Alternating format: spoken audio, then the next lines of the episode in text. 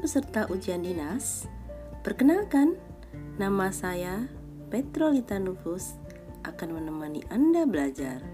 Semoga bermanfaat. Yuk, kita mulai. Sekarang kita akan masuk ke materi bab 4.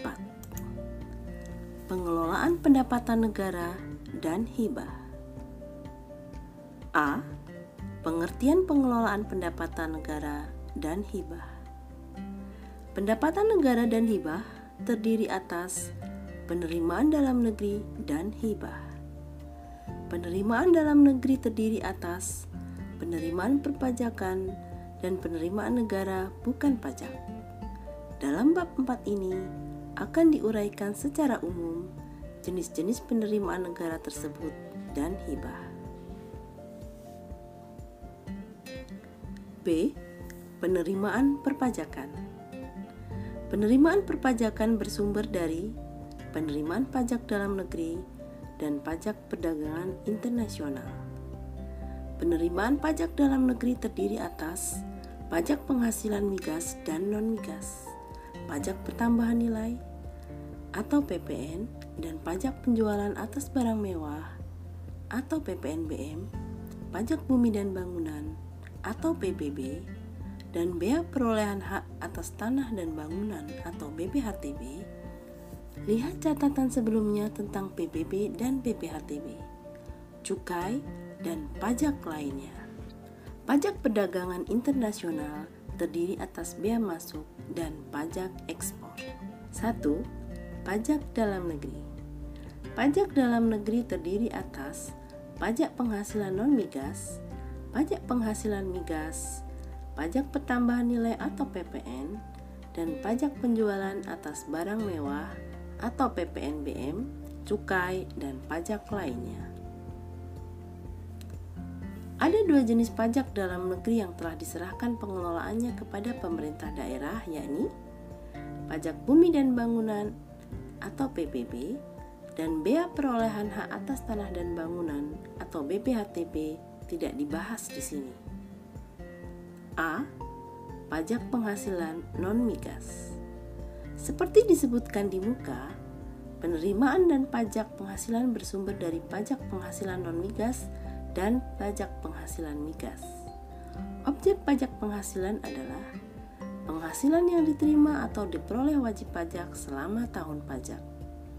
Penghasilan adalah tambahan kemampuan ekonomis yang diterima atau diperoleh wajib pajak, baik yang berasal dari dalam negeri maupun dari luar negeri yang dapat dikelompokkan ke dalam empat kelompok, yaitu satu, Penghasilan dari pekerjaan dalam hubungan kerja dan pekerjaan bebas seperti gaji, honorarium, penghasilan dari praktek dokter, notaris, aktuaris, akuntan, pengacara, dan sebagainya. 2. Penghasilan dari usaha dan kegiatan. 3. Penghasilan dari modal yang berupa harta bergerak ataupun harta tidak bergerak seperti bunga, dividen, sewa, keuntungan, penjualan harta atau hak yang tidak dipergunakan untuk usaha dan sebagainya. Penghasilan lain-lain seperti pembebasan utang, hadiah, dan sebagainya.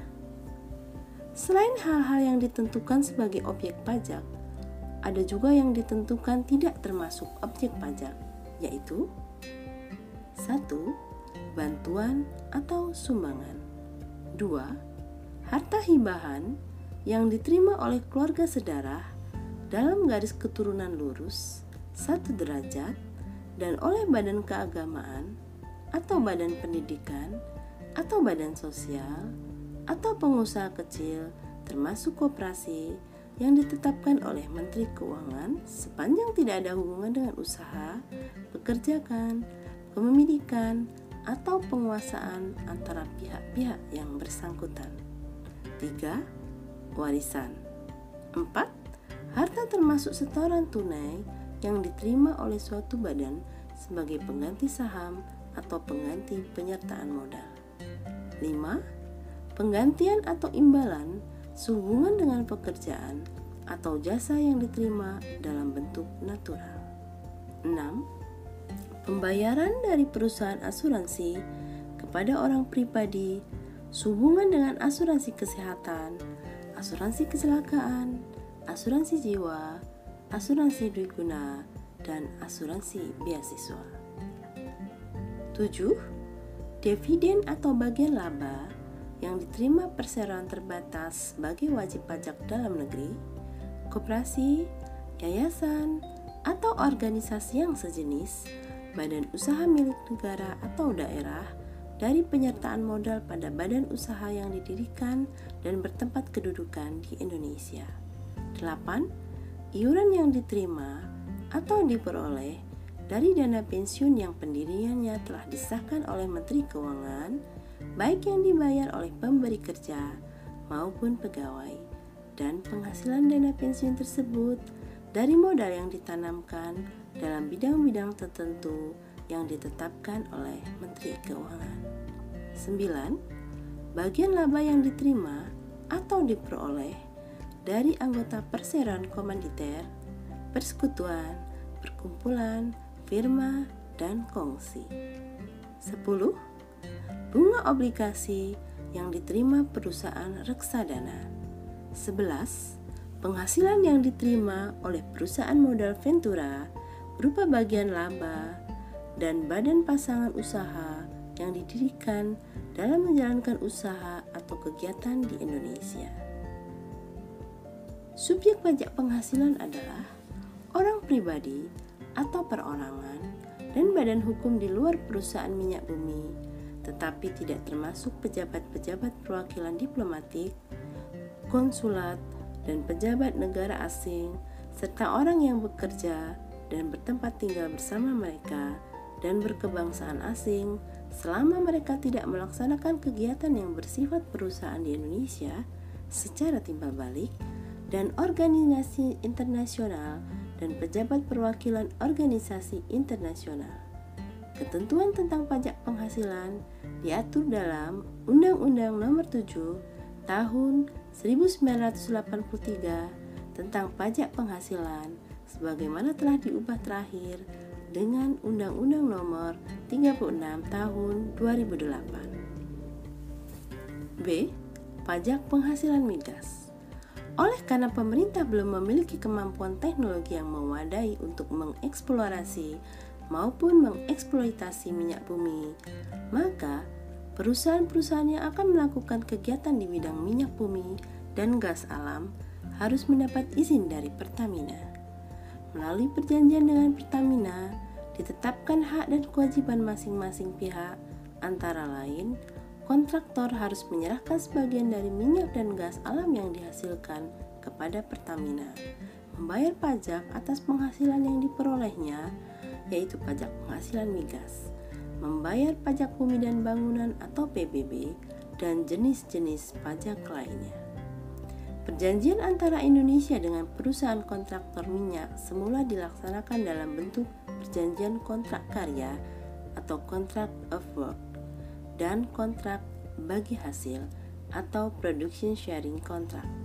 Dan terakhir, dalam kontrak bagi hasil yang disempurnakan atau Modified Production Sharing Contract atau yang dikenal sebagai kontrak operasi bersama atau Joint Operation Contract yang mulai berlaku tahun 1977.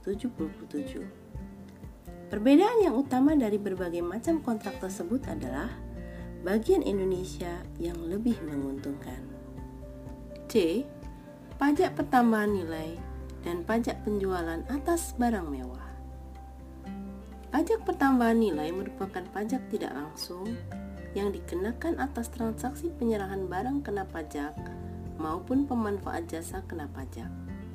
Pada dasarnya, pengenaan pajak pertambahan nilai akan dibebankan kepada konsumen akhir. Karena merupakan pajak tidak langsung, pengenaan pajak pertambahan nilai atas barang kena pajak yang sama dapat dikenakan berkali-kali. Namun demikian, pajak pertambahan nilai yang harus dibayar setiap pengenaan PPN tersebut terlebih dahulu harus diperhitungkan dengan pajak masukan yang berkaitan dengan pengenaan barang kena pajak tersebut. Ini berarti bahwa PPN atas penyerahan barang kena pajak pada setiap transaksi tersebut dikenakan atas nilai tambah dari dasar pengenaan pajak setiap transaksi. Pajak pertambahan nilai dan pajak penjualan atas barang mewah diatur pertama kali dalam Undang-Undang Nomor 8 Tahun 1983 dan terakhir diubah menjadi Undang-Undang Nomor 42 Tahun 2009 tentang perubahan ketiga atas Undang-Undang Nomor 8 1983 tentang pajak pertambahan nilai barang dan jasa dan pajak penjualan atas barang mewah. D. Cukai Cukai adalah pungutan negara yang dikenakan terhadap barang-barang tertentu yang mempunyai sifat dan karakteristik yang ditentukan yang disebut barang kena cukai atau BKC. Cukai diatur dalam Undang-Undang Nomor 11 Tahun 1995 tentang cukai sebagaimana telah dirubah menjadi Undang-Undang Nomor 39 Tahun 2008 tentang cukai. Yang dimaksud dengan BKC yaitu barang-barang yang dalam pemakaiannya perlu dibatasi dan diawasi. Subjek cukai adalah pengusaha pabrik atau pengusaha tempat menimbun dan importir BKC, sedangkan sebagai objek adalah barang kena cukai atau BKC yang terdiri atas 1. Etil alkohol atau etanol dengan tidak mengindahkan bahan yang digunakan dan proses pembuatannya. 2. Minuman yang mengandung etil alkohol dalam kadar berapapun dengan tidak mengindahkan bahan yang digunakan dan proses pembuatannya termasuk konsentrat yang mengandung etil alkohol.